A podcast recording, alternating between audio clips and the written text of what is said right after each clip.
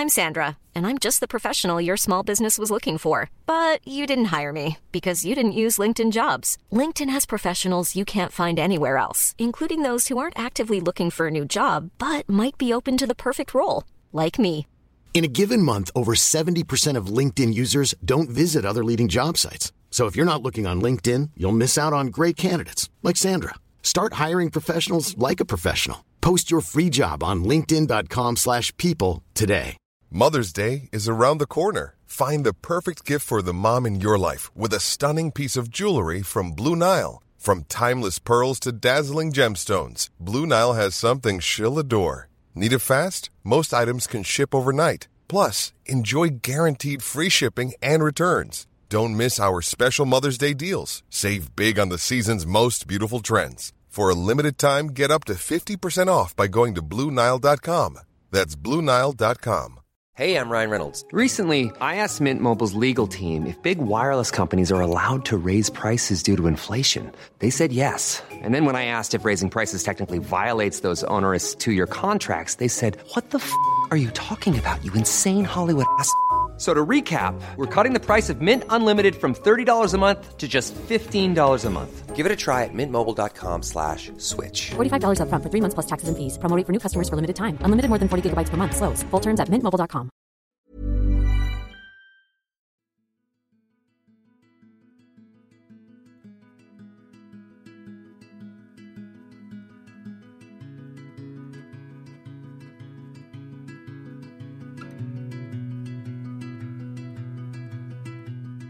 Hej och varmt välkomna till podden Sorgsnack. Det här är en podd som berör allt som har med sorg och svåra förluster att göra. När livet inte blev som vi hade tänkt, när något oväntat händer och hela ens liv vänds upp och ner över en dag och när vi tvingas ta farväl av någon vi älskar.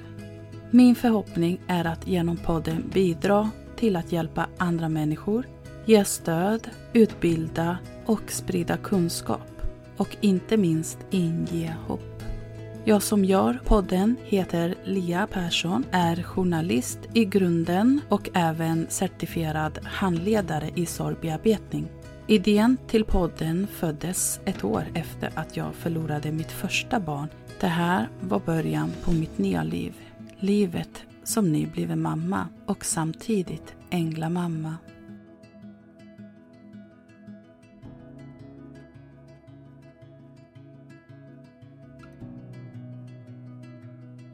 Hej på er! Idag sitter jag med Frida Hård som är coach och samtalsterapeut, bland annat. Och eh, hon har själv upplevt sorg på väldigt nära håll. Och eh, vi ska samtala om det, men också att eh, när det värsta har hänt så kan någonting mycket fint växa ur det hela. Alltså kärleken, att man kan hitta kärleken på nytt och eh, hur viktigt det är att faktiskt våga. Så hej och varmt välkommen hit, Frida. Hej, tack så jättemycket. Tack Mm. för att jag får vara här. Ja, självklart. Eh, fint att du vill vara med. Och som sagt, det här känns som ett eh, viktigt ämne och någonting som jag tror många kan känna sig igen i. Att eh, våga. Men eh, kan du börja med att berätta lite kort om dig själv Eh, det du har varit med om kopplat till sorg? Absolut. Jag heter Frida Hård. Jag är 46 år gammal. Och jag jobbar dagligen faktiskt på TV3 med eh, tablån för TV3-kanalen. Men sen så har jag också mitt hjärteprojekt och det är sorgstöd. Där jag eh, har sorgcirklar där vi träffas, de som bär sorg, för att eh, prata om sorg, bearbeta sorg och eh, ja, men att mötas i en gemenskap i sorg. Så där leder jag sorgcirklar som coach och samtalsterapeut. Sen har jag ytterligare ett projekt som jag är involverad i för Röda Korset när det gäller sorg. Och det är att ta fram ett beredskapsmaterial kring eh, eh, stöd för anhöriga och att ha en, ett beredskapsstöd för anhöriga. Eh, det är inom existentiella hälsan som Röda Korset har det här projektet. Så att det, det är mycket eh, inom sorg som jag faktiskt ge mitt hjärta, kan jag säga. Men det ligger mig också väldigt varmt om hjärtat. Och det blev uppenbart för mig för elva år sedan hur lite stöd det finns för de som hamnar i djup sorg. Hur lite vi pratar om sorg och hur otroligt viktigt det är att sorgen får ta den självklara plats i livet som det faktiskt har. Det är oundvikligt. Vi alla möter sorg, vi alla kommer drabbas av sorg, vi alla har och bär sorg inom oss. För det behöver ju inte bara vara dödsfall eller kopplat till en förlust. Utan det är ju hela tiden små och stora sorger i våra liv som vi bär med oss. Och jag anser att det är oerhört viktigt att bearbeta sorg. Så mitt hjärteprojekt är verkligen sorgstöd och att, att eh, vara det, det stöd som jag själv saknade. Och det som, som hände mig, det var ju att för elva år sedan, och jag var relativt nygift med Jimmy. Vi hade gift oss eh, 2010. Och 2011 så föddes vår älskade Einar.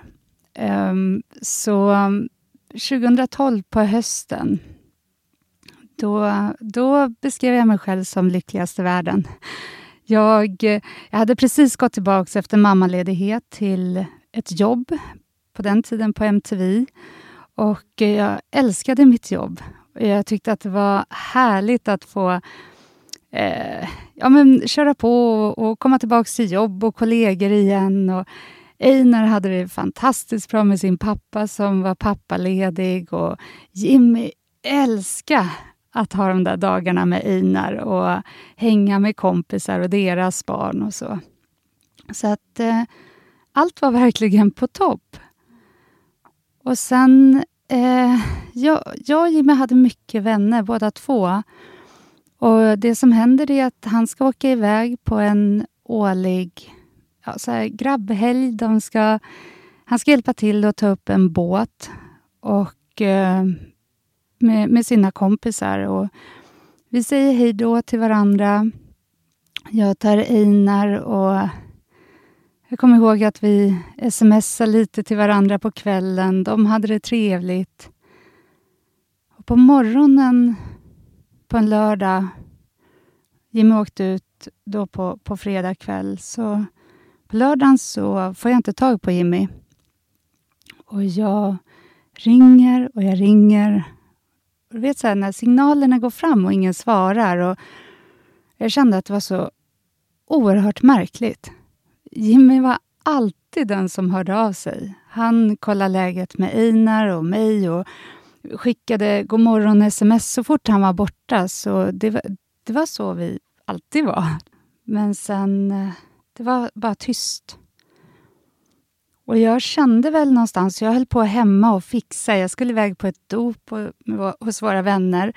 Jag höll på att baka cupcakes till dem och eh, mannen i familjen han kom och hämtade de här cupcakes. Och jag hade satt upp en lapp på dörren att knacka för Einar sover när han skulle komma. då. Så att, och Det gjorde han och smög in och hämtade där. Och jag satte mig efter en stund, för jag började bli lite så här, varför svarar inte Jimmy? Och jag satte mig i soffan för att se om det stod någonting på nyheterna.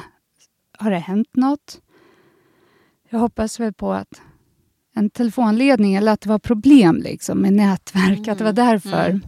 Som jag inte fick tag på honom. Ja, men att det skulle finnas en logisk förklaring. Ja, det, det måste hela. ju finnas mm. det. Och så precis när jag sätter mig, då var det några som inte knackade på dörren utan ringde på. Och jag går och kikar i vårt så här kikhål vi hade då på lägenheten och eh, ser att det står två stycken poliser utanför i uniform. Och eh, när jag öppnar så ser jag på deras ansiktsuttryck att det här är allvarligt. Men hann du tänka så. någonting innan du öppnade? Nej, inte mer än så att det här... Jag kopplade det ju till mm. Jimmy, att det var någonting. Det. Ja. Och jag, vet, jag kan inte säga varför, men jag tror att den där oroskänslan hade kommit då när jag inte fick tag på honom. Att det var någonting. Jag hade, det går inte att förklara varför. Men det kändes på något sätt. Kändes i kroppen. Och när de kliver in så... Då vet jag att jag, att jag tittar på dem och säger så här... Är det Jimmy? Vad, vad har han gjort? Och Sen måste jag ändra mig, för att i samma sekund som jag säger de där orden, vad har han gjort, så inser jag så här... Nej, men han kan ju inte ha gjort något. För att han är världens snällaste. Det var liksom inte fanns ingen koppling till att han skulle ha gjort något. Så att då blev det bara vad är det som har hänt? Mm. Och det kändes mer sant att säga. Vad är det som har hänt? Och eh, poliserna säger bara att eh, Jimmy är död. Och Jag vet att jag skriker och jag backar in liksom i lägenheten mot min sovrumsdörr, för där inne ligger Einar och sover. Och Jag skriker och liksom backar in och springer mot sovrumsdörren och då följer en av poliserna efter mig för han undrar nog var ska hon ta vägen någonstans. Och jag kommer in i sovrummet och där sitter en yrvaken liten ettåring i, i sängen och tittar på mig. Och, eh, jag bara tar upp Einar i famnen och sätter mig på sängen och vet bara, försöker lugna mig själv. Jag sa, det blir bra, det blir bra, det blir bra. Jag upprepar om och om igen. Eh, och det var ju för att ja, men lugna mig själv och skydda honom. Och det var bara... Det var så... Hel, hela min värld, jag kände det direkt. Nu har den rasat. Nu, ingenting kommer bli sig likt igen. Jimmy finns inte och hur, hur ska jag överleva det här? Mm. Och jag ser den här polisen som har kommit efter mig. Han sitter på sängen bredvid. Och han, han fingrar på ett armband som han säkert har fått från sina barn. För Det är liksom mm. färgglada pärlor och jag ser att han, att han sitter och snurrar på de där pärlorna samtidigt som han gråter. Och när jag ser att han gråter, då förstår jag än mer hur otroligt sorgligt det här är. Och att han förstår hur otroligt liksom, ont det här gör, eller att det gör ont hos honom, eller att, han, att det berör honom så djupt. Då tänker jag, oj fasen, det blev så dubbelt. Det blev så, ja, ja. verkligen. Så att där... Men också för dig, för tänker jag. Att det är ju såklart redan svårt som det är att ta in verkligen. att det har hänt. Verkligen. Och sen att det blir så påtagligt när man ser någon annan mm. som man dessutom inte känner eller har någon koppling till, som ändå blir så berör mm. av det man själv går igenom. Verkligen. Och som i det här fallet då gråter och visar det utåt. Mm. Men hur, hur kändes det för dig? Alltså, kunde du tänka någonting där och då? I, inte där och då, mer än att jag liksom såg det, konstaterade, kände av då att oj, oj, det här är verkligen... Min värld har rans, rasat. Han inser det också, som jag precis har liksom mött så här. Men i efterhand så kan jag känna att det var... Jag upplevde det positivt på det sättet att han visade känslor. Han är också bara människa. Och att det faktiskt betydde ja. väldigt mycket att få se det där. Jag upplever personligen att de här poliserna som kom in och eh, lämnade ett dödsbud. Det kan inte ha varit lätt. De var ju i min ålder också. Mm. Och att komma hem till någon och lämna ett sånt besked. De gjorde det absolut sitt bästa. Och jag tyckte att de gjorde det på ett väldigt, väldigt fint sätt. Och det är nog säkert det svåraste i deras jobb. No, ja. Eller det jag har hört från många poliser, att det är det svåraste med jobbet. Att vara ja. polis, just att lämna dödsbesked till någon. Ja. ja jag kan tänka mig, och, och alla gör säkert på olika sätt och alla har sin upplevelse av att ta emot ett dödsbesked. Och hur upplever man att de kommer i uniform hem? Liksom mm. Sådana saker. Ja. För min del så... Jag tycker att där var det faktiskt... Det de kunde göra gjorde de rätt. Jag tyckte att det var på ett sätt tryggt att de kom i uniform. Alltså att jag, jag fick ju säkert en hundradels sekund på mig att förbereda mig lite grann på att något hade hänt. Jag tyckte att de eh, visade hänsyn genom att också bara finnas i lägenheten tills jag hade fått min familj på plats. Eh, en av poliserna satt ju också senare på, på eftermiddag. Ja, det här var väl kanske runt lunchtid och en stund senare så vet jag att han sitter och, och matar Einar vid matbordet liksom, och tar hand om honom medan jag får ringa efter mina föräldrar och mina systrar eh, som fanns i, i Stockholmsområdet. Så att de var ju snabbt på plats, men eh, poliserna stannade tills de, tills de visste att jag hade några andra där. Och jag tycker att de gjorde det fint. Vad skönt att du känner så. Ja. Och bra att de stannade kvar också. Ja, jag tror att eh, om man lämnar ett, ett dödsbesked på det sättet alltså, och att, att kunna visa, visa att låta tårarna rinna medkänsla. eller så. Medkänsla, mm. empati. Det, det betyder väldigt mycket, för det är den, den stunden... Jag vet ju att jag år senare... Dels så hade jag ju scenen när polisen kommer hem och kliver in genom dörren och berättar att Jimmy är död. Den scenen spelades upp om och om, om i mitt huvud. Jag kan inte säga hur många gånger, veckorna efter, månaderna efter.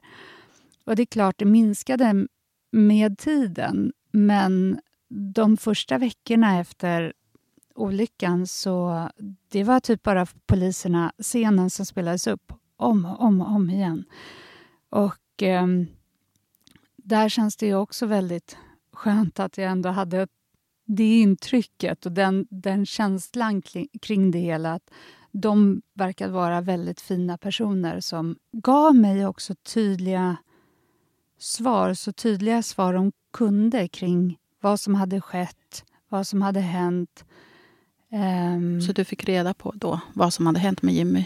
Ja, jag fick reda på att eh, samma dag som han har åkt ut till det här huset där um, hans väns sommarstuga så har de påbörjat ett dräneringsarbete runt huset.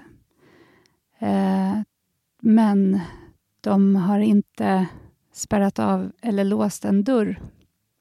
Så att Jimmy har klivit rakt ut och där det inte fanns en terrass som brukar vara där, utan fallit eh, ja, några meter ner och slagit huvudet i eh, berggrunden. Så att det var en fallolycka. Oh, Gud, ja. Då var han inte medveten om det? Nej, det, Nej fort. det har gått fort. Mm. Han, eh, de tror att han, han slog i huvudet direkt och, och dog direkt. Så att det, det var det som hände. Men han var ju inte ensam där. Nej, han var inte Vet. ensam där. Utan det var, ju, det var ju flera där, men det här har hänt eh, på natten. De har som utedass, Jaha, så att han måste ha vaknat och gått okay. ut. Så han hittades på morgonen okay. av hans kompis.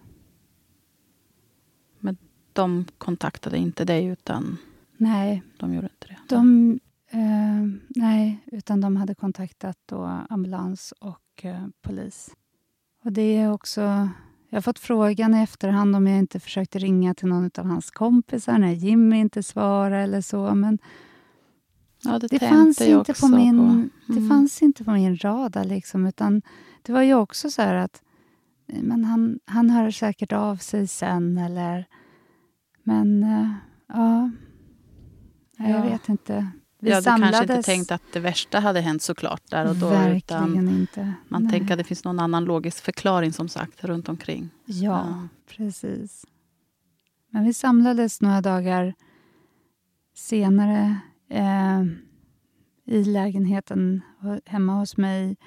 Och då var en av hans bästa vänner med och berättade precis vad, vad som hade hänt eller hur de hade upplevt det och, och så.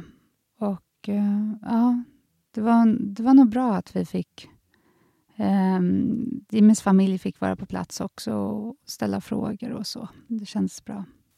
Ja, jag förstår det. Man behöver få, ja, men få svar på de frågorna det finns att få svar på. Ja, de som man kan få svar på. Och sen vissa frågor får man tyvärr, tror jag, bära med sig. Eller, eh, ja. Men det är ju dels det här med ditt arbete med sorg och att stötta andra. Och framförallt det här med Röda Korset. Det var ju lite så vi kom i kontakt med varandra. Eller du hörde av dig och skrev när vi skulle ha sorgkonferensen. Och där var du ju med och berättade just om det här arbetet. Ja, lite i alla mm. fall. Um, vad har det betytt för dig? Och um, var det en självklarhet efter? Eller hur, så, så, hur, hur pass nära var det liksom efter allt det här hände som du kände att det här är någonting som jag vill lägga lite tid på och engagera mig i? Jag, jag tror faktiskt att det var relativt snart efter olyckan.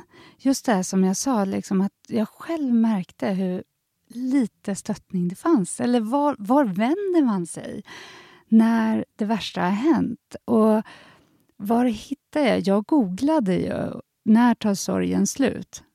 Så här, ja, du gjorde det. Ja. Mm. Eller jag googlade, och jag googlade vad ska man göra för att sorgen ska gå över? Men just den här, när tar sorgen slut? För att vad, vad gör vi idag när, när vi inte har svar på frågor? Ja, men då är det googla och försöka hitta, eh, svar. hitta mm. svaren. Och tyvärr så hittade jag faktiskt inte några svar där. Utan, och, men just att jag märkte så här, hur ska jag kunna stötta min son? Hur ska jag kunna eh, ja, men leva vidare när jag har förlorat eh, min trygghet och det här stora... Alla framtidsdrömmar. Hur gör man? Mm. Och jag, så jag tror att relativt snabbt efteråt så tänkte jag så här, det här finns inte, men fasen, det borde finnas. Jag, jag måste hjälpa den som inte har det stora nätverket, tryggheten, grundtryggheten som jag har.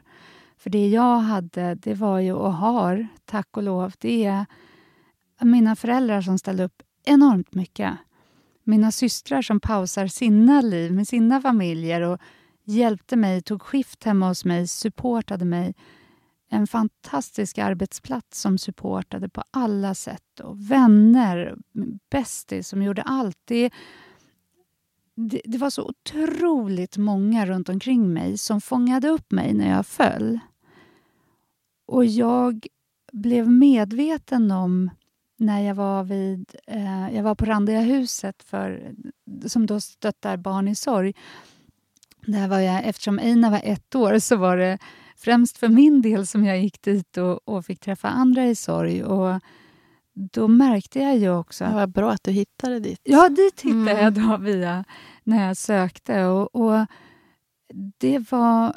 Jag, men jag märkte ju också att det var långt ifrån alla som var där som hade den grundtryggheten eller den här tryggheten runt omkring sig som jag hade. Det var långt ifrån alla som hade föräldrar som flyttade in hos dem och tog hand om barn och eh, någon i sorg och systrar och allt. Så att då tänkte jag att oj, jag som, som har haft en sån här stor hjälp, eller fått så mycket hjälp, ändå upplever att det är så fruktansvärt tungt och fruktansvärt tufft. Och så många frågor, så många beslut som man ställs inför där du måste ta de besluten själv på något sätt. Så Um, då tänkte jag att nej, jag måste göra det här när jag orkar sen, eller när jag kommit vidare. Och sen dröjde det säkert fyra, fem år tills jag utbildade mig då in, som coachande samtalsterapeut. Och då var det ganska direkt att jag var, det kommer vara sorg som jag vill fokusera på.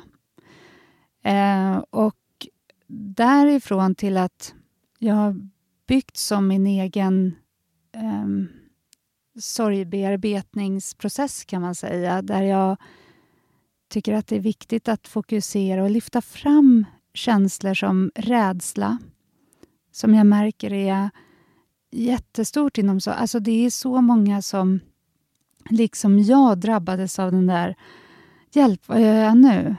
Och det kan vara kopplat till ekonomi eller hur ska jag kunna arbeta? Hur ska jag kunna vara social? Hur ska jag kunna ta hand om mitt barn? Hur bara kan, räcka till. Hur kan man räcka till? Alltså det, det bor så mycket rädsla också. Eh, ja, men rädsla. Hur ska jag våga bli kär? Mm. Hur ska jag Precis. våga leva vidare? Eh, jag var livrädd bara jag hörde en siren. Ja, ja, visst. Så att rädsla är en jättestor bit som jag tycker är... Eh, att, att sätta ord på, att lyfta fram det. Att, eh, ja, men lyfta fram rädslorna i ljuset, tänker jag. Då minskar de i styrka. Vi kan hantera det på ett annat sätt. Så det är en del. Och sen en annan del är eh, egenvärdet, att titta på ja, men vem är jag nu?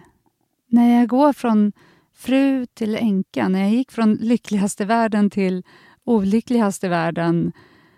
Eh, när, när hela det här, från att ha varit jättesocial till att känna mig som totalt utbränd, där jag inte knappt orkar med sociala sammanhang. Vad händer med bilden av mig själv och också att hitta en ny grund att, att bygga upp Frida som jag är nu, efter Jimmy. Så att eh, det, det, är ett par delar i, min, eh, i det som jag gör eh, vid sorgebearbetningen. Och sen med Röda Korset är fantastiskt, för där är det också kopplat till just den här känslan av att, att, inte, att inte ha det där stödet. Och också för anhöriga, hur kan jag hjälpa till vid sorg? Hur kan man bereda, eller liksom förbereda sig eller bädda så mjukt som möjligt för oss själva och andra när vi drabbas av stor sorg. Så eh, det är... Um, idag så är det otroligt viktigt för mig, det här arbetet just inom, inom sorg, sorgbearbetning och sorgberedskap. Att, um, ja, men, det var fantastiskt när vi träffades där, Lea, och du hade gjort den här, skapat en sorgkonferens, liksom, där det är verkligen att lyfta fram sorgen i ljuset. Mm. Inte för att minska styrkan, där är någonting annat. Där är bara att stärka det. Och mest självklara i livet egentligen. Ja, som vi så många är så rädda för. Och... In the market for investment worthy bags, watches and fine jewelry, Rebag is the answer. Rebag is a luxury resale platform where each piece is carefully inspected by experts to ensure quality and authenticity. Use Rebag to buy and sell finds from the world's top brands, including Louis Vuitton, Chanel, and Cartier. Head to Rebag.com to get 5% off your first purchase with code REBAGNEW. Shop today at Rebag.com. That's R E B A G.com. And use promo code REBAGNEW for 5% off your first purchase. Burrow is a furniture company known for timeless design and thoughtful construction and free shipping, and that extends to their outdoor collection. Their outdoor furniture is built to withstand the elements, featuring rust-proof stainless steel hardware, weather-ready teak, and quick-dry foam cushions. For Memorial Day, get 15% off your Burrow purchase at burrow.com slash ACAST and up to 25% off outdoor. That's up to 25% off outdoor furniture at burrow.com Ja, det, det känns jätteviktigt verkligen. Ja. Så, ja, men där vi behöver bli bättre på att bemöta varandra och finnas till för varandra. ja, Mm. verkligen. Också för barnen. Jag tänker så ofta på... Nu var ju Einar ett år. Han, han lär känna sin pappa genom historierna. Han, han, för hans del så... Eh, jag tycker att det är jätteviktigt att, att vara öppen, att kommunicera, att prata om och bjuda in till samtal. Och, och eh, idag är han ju 12, så att vi, jag lyssnar till honom och han får eh, berätta och prata så mycket som han vill. Liksom. Men, eh, Pratar det, ni mycket om Jimmy? Eller ställer vi- han många frågor? ja, men han kan fråga och sen så tror jag också att det är ofta som jag kan påtala hur otroligt lika det hur mycket Jimmy som bor i Einar. Och det var ju en av de rädslorna jag hade också, att, att jag inte skulle minnas, att jag inte skulle minnas Jimmys alla egenheter och hans sätt att vara och, och hur han pratade eller skrattade, hans humor. Och sen så nu när jag tittar på hans son så bara... Det är som ibland så bara... Det bor så mycket Jimmy i, i Einar och det är så fantastiskt verkligen att se. Einar är Einar men jag kan, jag kan verkligen se de här delarna av Jimmy i honom. Ja. Mm. Jag tänker på det här som du nämnde, just att eh, hitta sig själv eller den nya personen som blir efter något sånt här. För att det är ju så att oavsett om man vill eller inte så förändras man som person eh, när man är med om en sån här händelse. Så hur skulle du beskriva och säga att du har förändrats som person? Hur är du, alltså den nya Frida? Mm. Det som är mest påtagligt det är att jag idag lever än mer sann och ärlig mot mig själv än vad jag gjorde tidigare.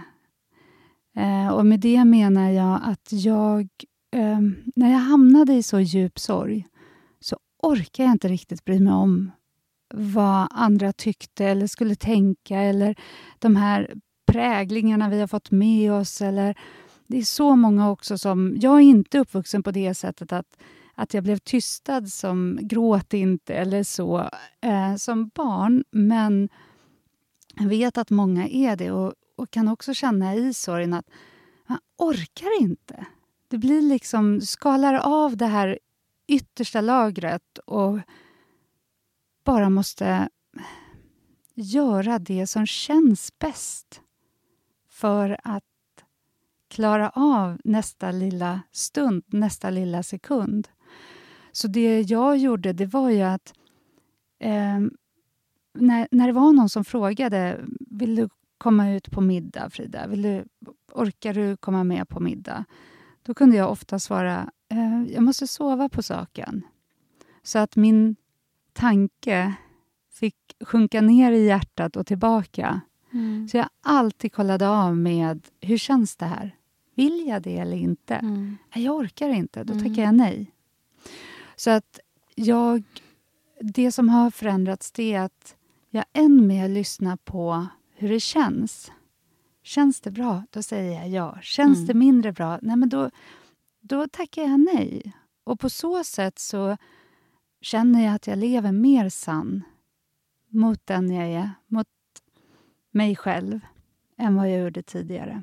Och jag tror att jag är övertygad om, på ett sätt, att det är just den tuffa sorgprocess som jag har gått igenom, den tuffa sorgen som har gjort att jag har lyckats skala av en del av de här präglingarna och tankarna om vad andra tycker. Um, så det är den stora skillnaden. Och sen känns det som att jag gick till... Jag gick från att um, känna mig ung och karriärsugen och ha ett litet barn på ett år och en fantastisk man till att sjunka ner i den här sorgen och eh, där jag efter ett tag också kände mig extremt gammal. Eh, jag eh, kunde tycka att det var jättejobbigt att se mig själv bara i spegeln. Jag tyckte att tårarna hade liksom eh, gjort stora rynkor på kinderna och att jag kände mig gammal i själen. Eh, att jag kunde se en del tanter och tänka att de är på väg till graven. Och vi har ju mer gemensamt än, än mina vänner som är ute och lever loppan just nu, för jag orkar inte riktigt. Och, eh, jag kunde ja, jag kunde verkligen höra den där andra klangen i mitt skratt. Att det som hade varit eh, ja, en ljusare ton, en lättsammare ton. Helt plötsligt hade jag fått en dovare ton i mitt skratt. Och Det kunde vara jättejobbigt. Eh, och Det var då också som jag tänkte att men jag är... Så här kommer det nog vara nu. Det här är... Jag har haft jag hade livet innan Jimmy, det såg ut på ett sätt. Med Jimmy, det såg ut på ett sätt. Och nu efter Jimmy så kommer det se ut på det här sättet. Så... Um, ett tydligt det, före och efter. Verkligen. Som många också beskriver det som. Ja, det var det. Det jag inte kunde se när det var som... Kanske inte mörkast, för det var ju precis därefter olyckan. Men när jag hade liksom jobbat mig in i sorgen på ett sätt. När sorgen hade blivit en del av vardagen. När jag jobbade, jag tog hand om Einar, vi hade hittat våran lilla familj. Vi hittade på mycket och reste mycket och var med om fantastiska saker. Och jag hade så fina vänner och, och familjen fortfarande liksom, som, jag, som jag var så nära. Jag hade, hade roligt. När, när jag var där så trodde jag fortfarande att så här, ja, men det är så här det kommer vara. Men då, då såg jag inte riktigt att ja, men det väntar sig faktiskt en, en till del av mitt liv. Um, som jag idag är helt Dit har du hittat idag. Dit har jag hittat mm. idag. Apropå våga också. Ja. ja det... Hur, um, kan du berätta lite mer om det? Ja, det, det Hur krävdes, ser livet ut idag? Oh, det krävdes så mycket mod. Um, jo, när jag, när jag trodde att så här kommer det se ut så hade jag väl fått några som, som var på mig, bland annat mina systrar som sa men Frida, vi tror du kommer nog träffa någon. Tänk om du skulle bli kär och träffa någon man. Och, och jag tror att de gärna det hade ju gått några år då. Det hade gått fem, fem år eller någonting. Okay. Så eh, de såg nog gärna att, att jag skulle tacka ja till, till kärlek eller tacka ja till, till, till mer härlighet, mm. att våga. Jag eh, kunde inte riktigt se det, men jag gick ändå med på att, att signa upp mig på, mm. på Tinder faktiskt. Jag gjorde en annan grej också. Det var att jag skickade ut till alla, alla möjliga olika kompisar från, på Facebook. Jag bara satt och klickade i så här, vilka skulle jag kunna skicka det här till? Jo, men jag tar den här, den här, den här, den här. Klickade i jättemånga vänner som, och skickade ut ett meddelande att har ni någon som kan tänkas att gå på en blind date med mig så har jag nog tänkt att jag är redo för det nu. Typ så. Wow. Vad häftigt att du gjorde det. Ja. det var jätteroligt. Och jag tror att det gjorde jag eh, innan Tinder. Det skickade jag ut. Och jag fick så mm. fint gensvar eh, från vänner och från ytliga bekanta. Och de klappade oh. händerna och sa självklart ska vi tänka på dig. Och, mm. och sådär. Och jag tror att jag jag behövde det. Jag behövde bara att känna att jag hade det här gänget bakom mig i, i tanken som hejade på mm. mig. Liksom. En liten hejaklack. Ja, mm. hejaklacken. Men sen så eh, signade jag upp för, för Tinder. Jag vågade inte lägga eh, upp någon beskrivning nästan. Jag visste inte hur jag skulle beskriva mig själv så jag tog en bild och, och uh, swipade lite hit och dit. Men nej, jag kände mig nog inte så hoppfull. Och sen en dag... Men för någon som är helt okunnig i det här och aldrig haft ah. Tinder, Måste man lägga liksom så civil status eller liknande? Eller skrev du någonting så Nej, men en del skriver ju faktiskt... Singel, nej, jag skrev nej. ingenting. Ja, typ min ålder mm. och att eh, singel. Okay. Ja. Men jag minns inte riktigt. Men jag, jag hade ingen beskrivning av mig själv. Det var inte så här, åh, jag gillar att spela tennis nej. eller Eh, Lite mer anonymt. Väldigt mm. anonymt. Men sen en, en fredag eftermiddag kom jag ihåg att jag står i köket hemma och så öppnar jag upp Tinder då och så ser jag mm, fantastiskt vackert och så varmt ansikte. Alltså, de här, såna här ögon som man bara, åh, så snälla! Och så läser jag att det är Martin, heter han, och han har gjort en lite längre beskrivning av sig själv. Och Han avslutar med att skriva att han är ensam med två barn efter att deras mamma har gått bort i sjukdom. Och Då tänkte jag, men Martin vill jag träffa. För vi, vi skulle kunna mötas, vi skulle kunna prata om det som har varit och Uh, och just den här känna gemenskap, när det är någon som har gått igenom... Gemensamt. Ja, uh. ja, men verkligen. Att kunna mötas i sorg, det är otroligt kraftfullt. Oh, och Det ja. betyder inte bara att man sitter och gråter och är i en djup sorg, utan bara att möta någon som har gått igenom och som är öppen med att berätta om sin sorg. Det, det händer någonting speciellt då. Och uh, jag, jag var så oinsatt på Tinder och inte alls så himla aktiv. Så jag glömde nästan bort det där. Men ett par dagar senare så ser jag att vi har ju då matchat. Då betyder det att, mm. att jag har dykt upp hos Martin och att han också har tryckt en like eller vad det mm. swipat. Swipat höger, va? Swipat höger.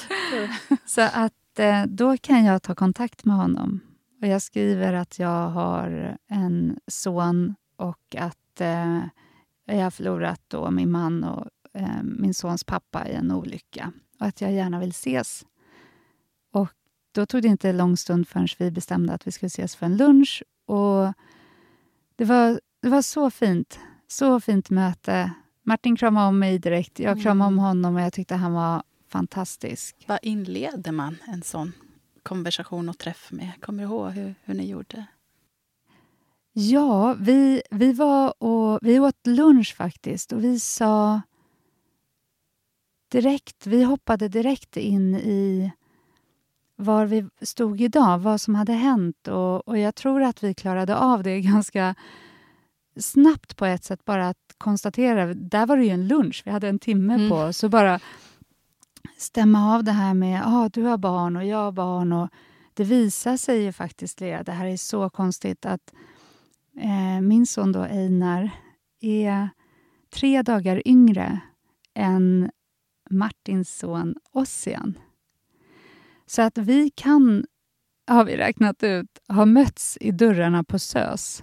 Mm. När jag och Jimmy är på väg in för att föda Einar så är Martin och hans dåvarande fru Kristina ja, på väg på hem ja, mm. med Ossian. Och sen har eh, Martin också Nelly som idag är 15 år. Så att, eh, det, var, det, det, är så speciellt. Så att jag tror att vi dök in i den historien och pratade om vart vi var och, och eh, hur vi levde idag. Och sen, det tog inte eh, så lång stund. Vi, vi fortsatte att ses Sen var vi ju inte så öppna för barnen direkt hemma och det är ju också svårt. Vi är ensamföräldrar båda två. Vi har barnen på heltid. Så vi gjorde så att vi bokade in onsdagarna blev vår dejtkväll. Då hade jag barnvakt hemma för Einar och han hade barnvakt för barnen. Och sen så sågs vi.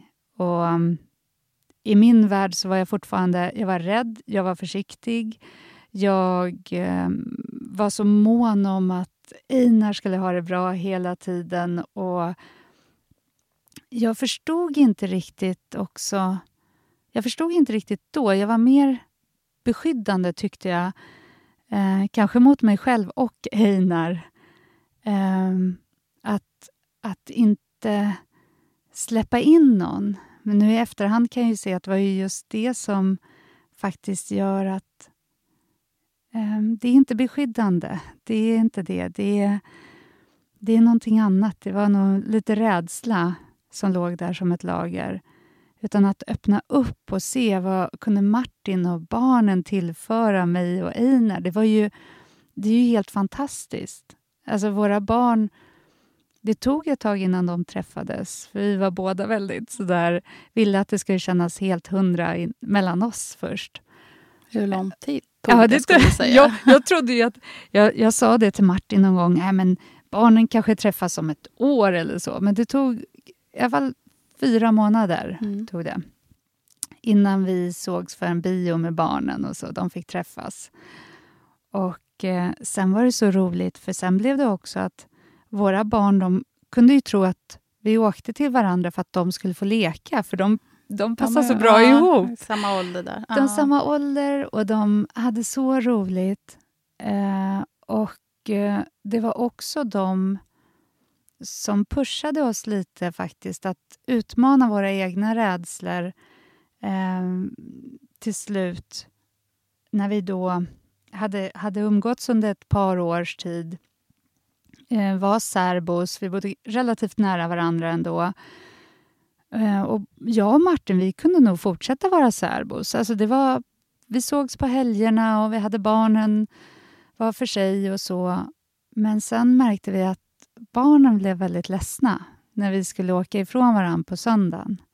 Och för deras del så hade det här blivit som en stor familj där vi hade väldigt roligt, där Martin tillförde någonting till Einar, där jag kanske tillförde någonting till Nelly Ossian och där vi som helhet var någonting Där de hittade trygghet? I, ja, mm. jag tror det. Och också glädje och just det här att, att få vara med dem som man tycker om. och Det är klart, så att till slut så fick vi även utmana den, den rädslan och flytta ihop och sen gifte vi oss mm. och, eh, förra året. Just det, för ni är gifta nu. Ja, ja. nu är vi gifta sen förra året. Och ja. det, Grattis! Tack snälla! Ja. Och det, ja, men det känns fantastiskt, men det,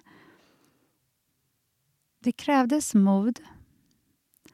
Och jag är så glad att jag också, inte, inte bara mod att, att våga, utan att det, det handlar ju om att göra sig själv sårbar så att utan att också öppna upp hjärtat och förstå att den här kärleken som man kan ge och som man kan få är så mycket större i slutändan än den här bottenlösa sorgen. Och Det låter konstigt, men det är klart att det krävs mod att våga älska någon igen oh, med vetskapen verkligen. om att vi alla kommer dö. Ja, att, precis. Men det finns ju någonting i kärlekens kraft där som är så enormt stor och som är så viktig att lyssna till. Så att ibland så finns det inte så många val. Utan Nej.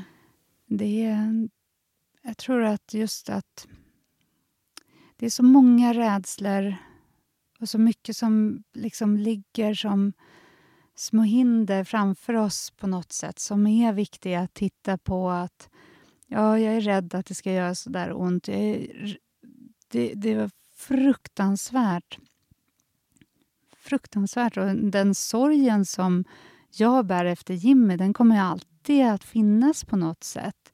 Även om den inte känns sårig idag. Men... Eh, och kärleken. Och kärleken mm. finns alltid kvar. Och den räcker till och blir över. Liksom, för det är inte så att...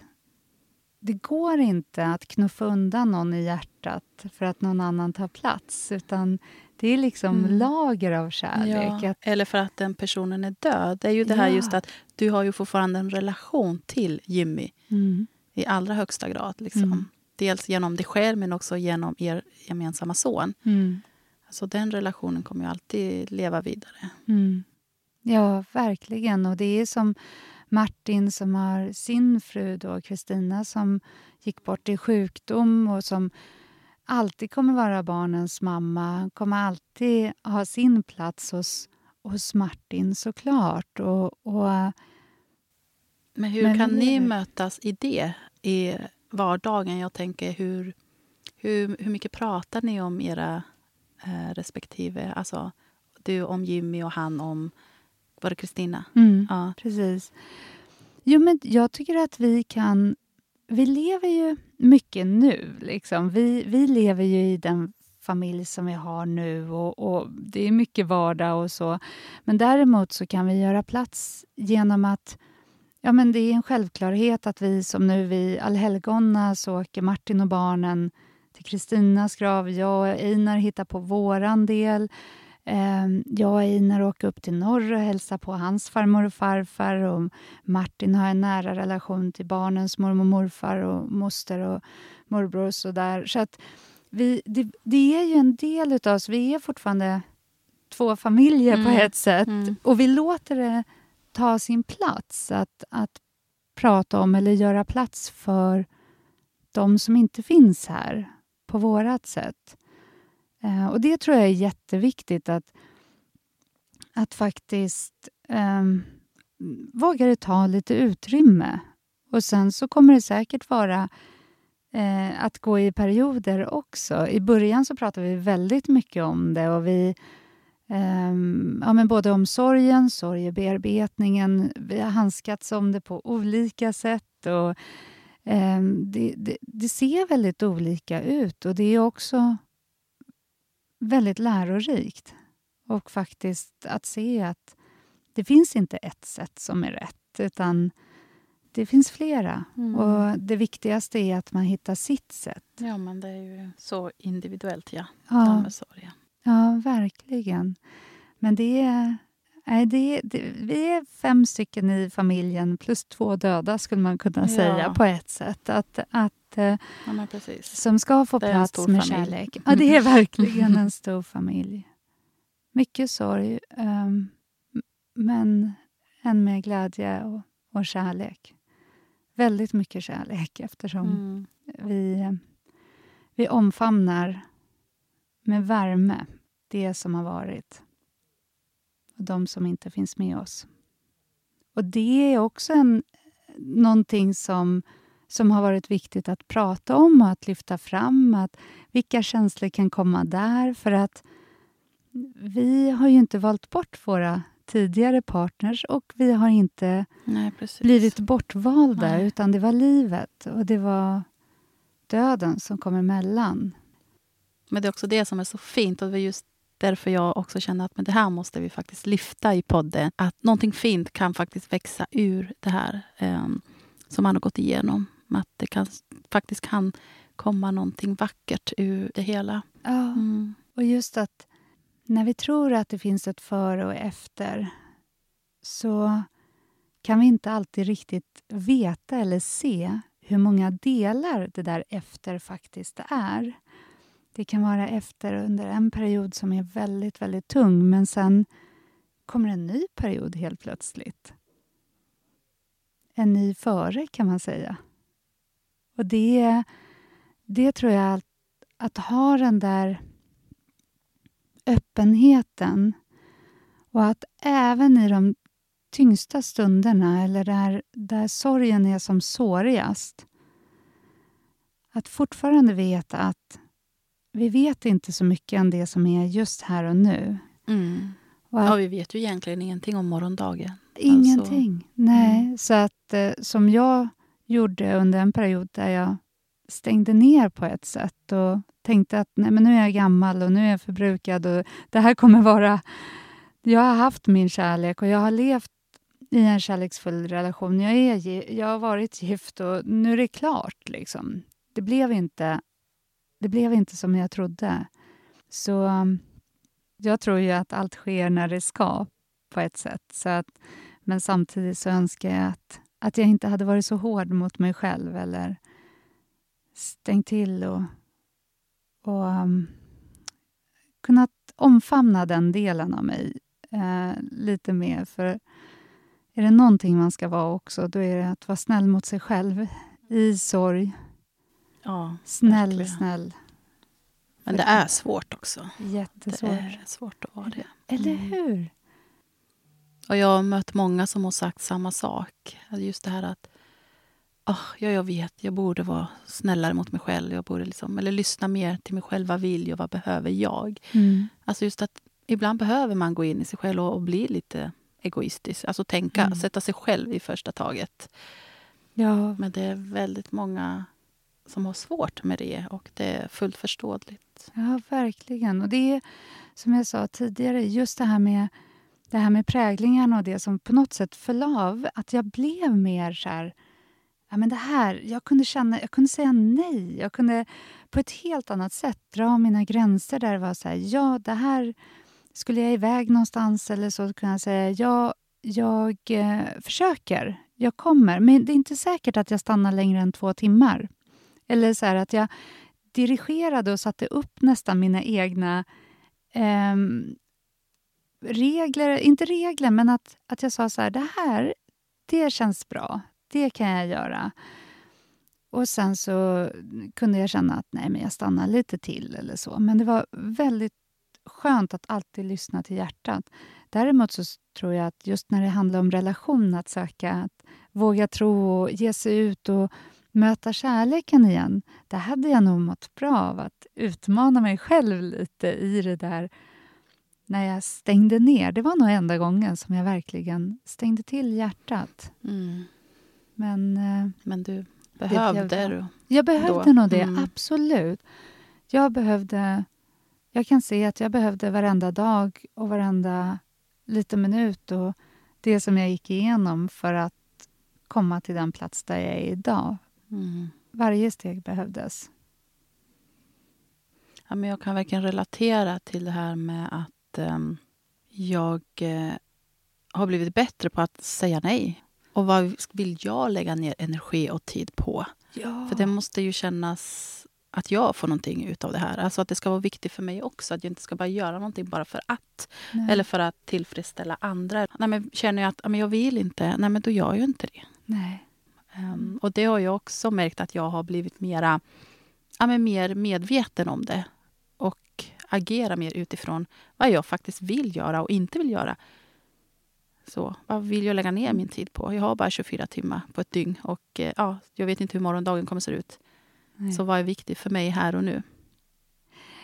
Jag, jag, ja, men jag håller med. Och just det här, det är så intressant, Lea, som du säger, just att lyfta fram det här med, med tiden. För jag tror att det är precis det att vi blir så medvetna om hur otroligt värdefull de där 24 timmarna är. Alltså, vi vet inte hur lång tid vi har med någon eller med oss själva. Alltså, vi vet inte mer än, som du sa, just det som är här och nu. Vi vet inte hur morgondagen ser ut. Och just att, att bli så medveten om att tiden är begränsad. Att våra liv är begränsade. Allas liv är begränsade. Så där blir det att vad vill jag göra? Det blir jätteviktigt. Mm. Och att, att då upptäcka de här energitjuvarna eller att, att känna att det där det tar mer och, än vad det ger. Och att kunna säga nej, det är mm. jätteviktigt. Verkligen. Men jag tror att just tiden tänkte jag på när du pratade. Mm. just Att det är så... Att den blir så värdefull. Mm. när vi förlorar tid med någon som jag hade önskat ha alltid. Mm. Ja, så... Ähm, ja. Det, det, är viktigt att, att uh, värdesätta sin tid. Behöver inte fylla den till bredden eller Nej. springa på för fort. Men kände du så? Jag kunde känna att tiden i sorg kunde vara att jag ville, ena sekunden så ville jag att tiden skulle gå så fort som möjligt för jag ville komma ut på andra sidan. Liksom. Jag ville komma vidare så fort som möjligt. Samtidigt så ville jag stoppa tiden för jag ville inte komma en sekund längre, längre ifrån, ifrån mm. oh, ja. det hade varit. Mm. Ja, men, ja, absolut. Det kan jag verkligen relatera till. Den känslan. Mm. Det blir så tudelat. Jag minns ja. första födelsedagen när Einar då fyllde två år. Då har det gått nästan ett år efter olyckan. Och jag kan idag se tillbaka och se på bilderna där hur jag försöker kompensera för det här tomrummet som, jag, som var så påtagligt för mig, som jag tyckte var så stort. Och att han inte skulle känna av någonting. Och jag slet med det där kalaset innan för att det skulle vara så perfekt och så mycket. och så...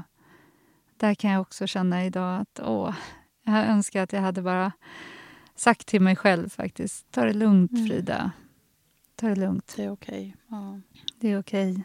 Stressa inte. Bara vara... Han, han är nöjd och glad. Han är två år. Och han... Um, mm. Ja.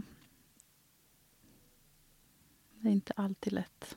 Nej, tomrummet, det, det går inte att fylla oavsett om det är efter ett, ett barn som saknas där vid födelsedagen eller en pappa som saknas. Däremot så kan ny kärlek tillkomma.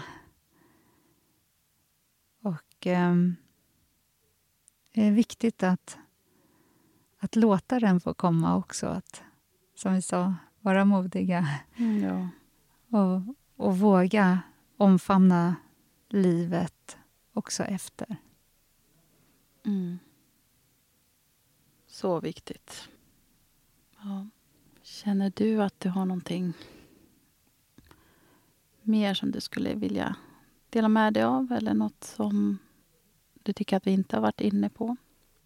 Jag tyckte det var jättefint att få det här samtalet med dig och eh, jag hoppas att, att, eh, att om det är någon som, som lyssnar och som kan, ja, men, som kan känna faktiskt just det här med, med kärleken, att våga. våga. Jag hoppas att, att det här kanske kan hjälpa lite grann eller inspirera till att våga utmana sina egna rädslor. Faktiskt, vad är det som ligger i vägen? Och sen att tiden och sorgen måste få ta sin plats.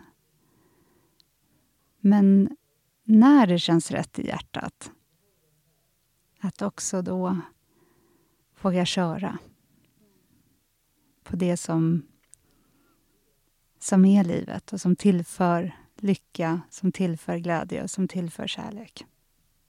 Det är jättefint att vara här idag.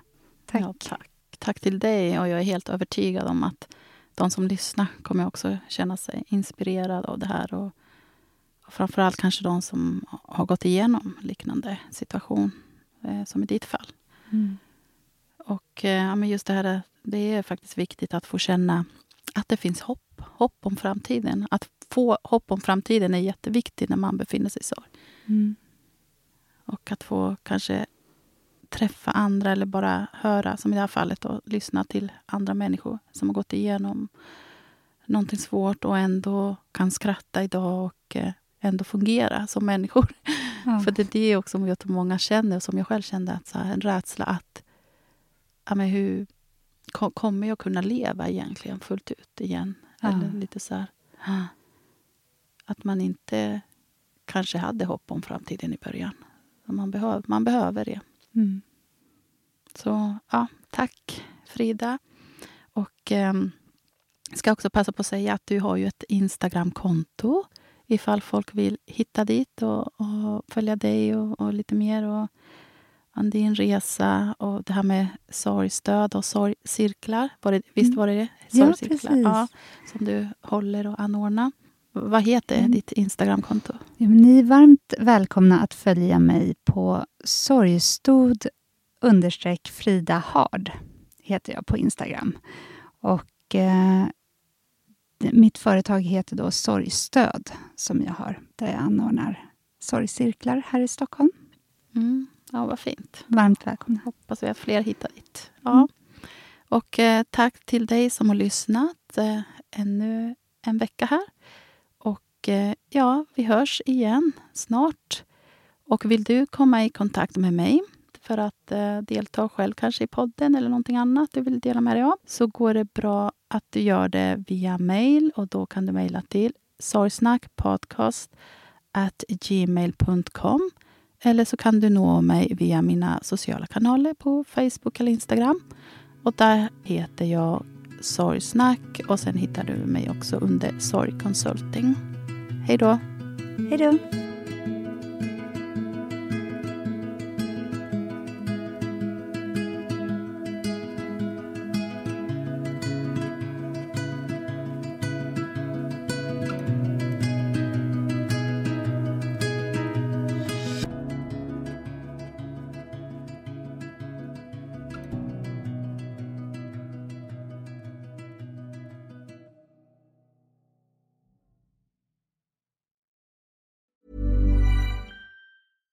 Selling a little or a lot?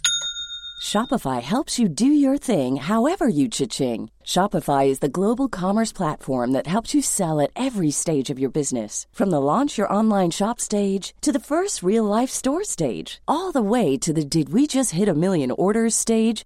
Shopify is there to help you grow. Shopify helps you turn browsers into buyers with the internet's best converting checkout. 36% better on average compared to other leading commerce platforms because businesses that grow grow with Shopify. Get a $1 per month trial period at shopify.com/work. shopify.com/work.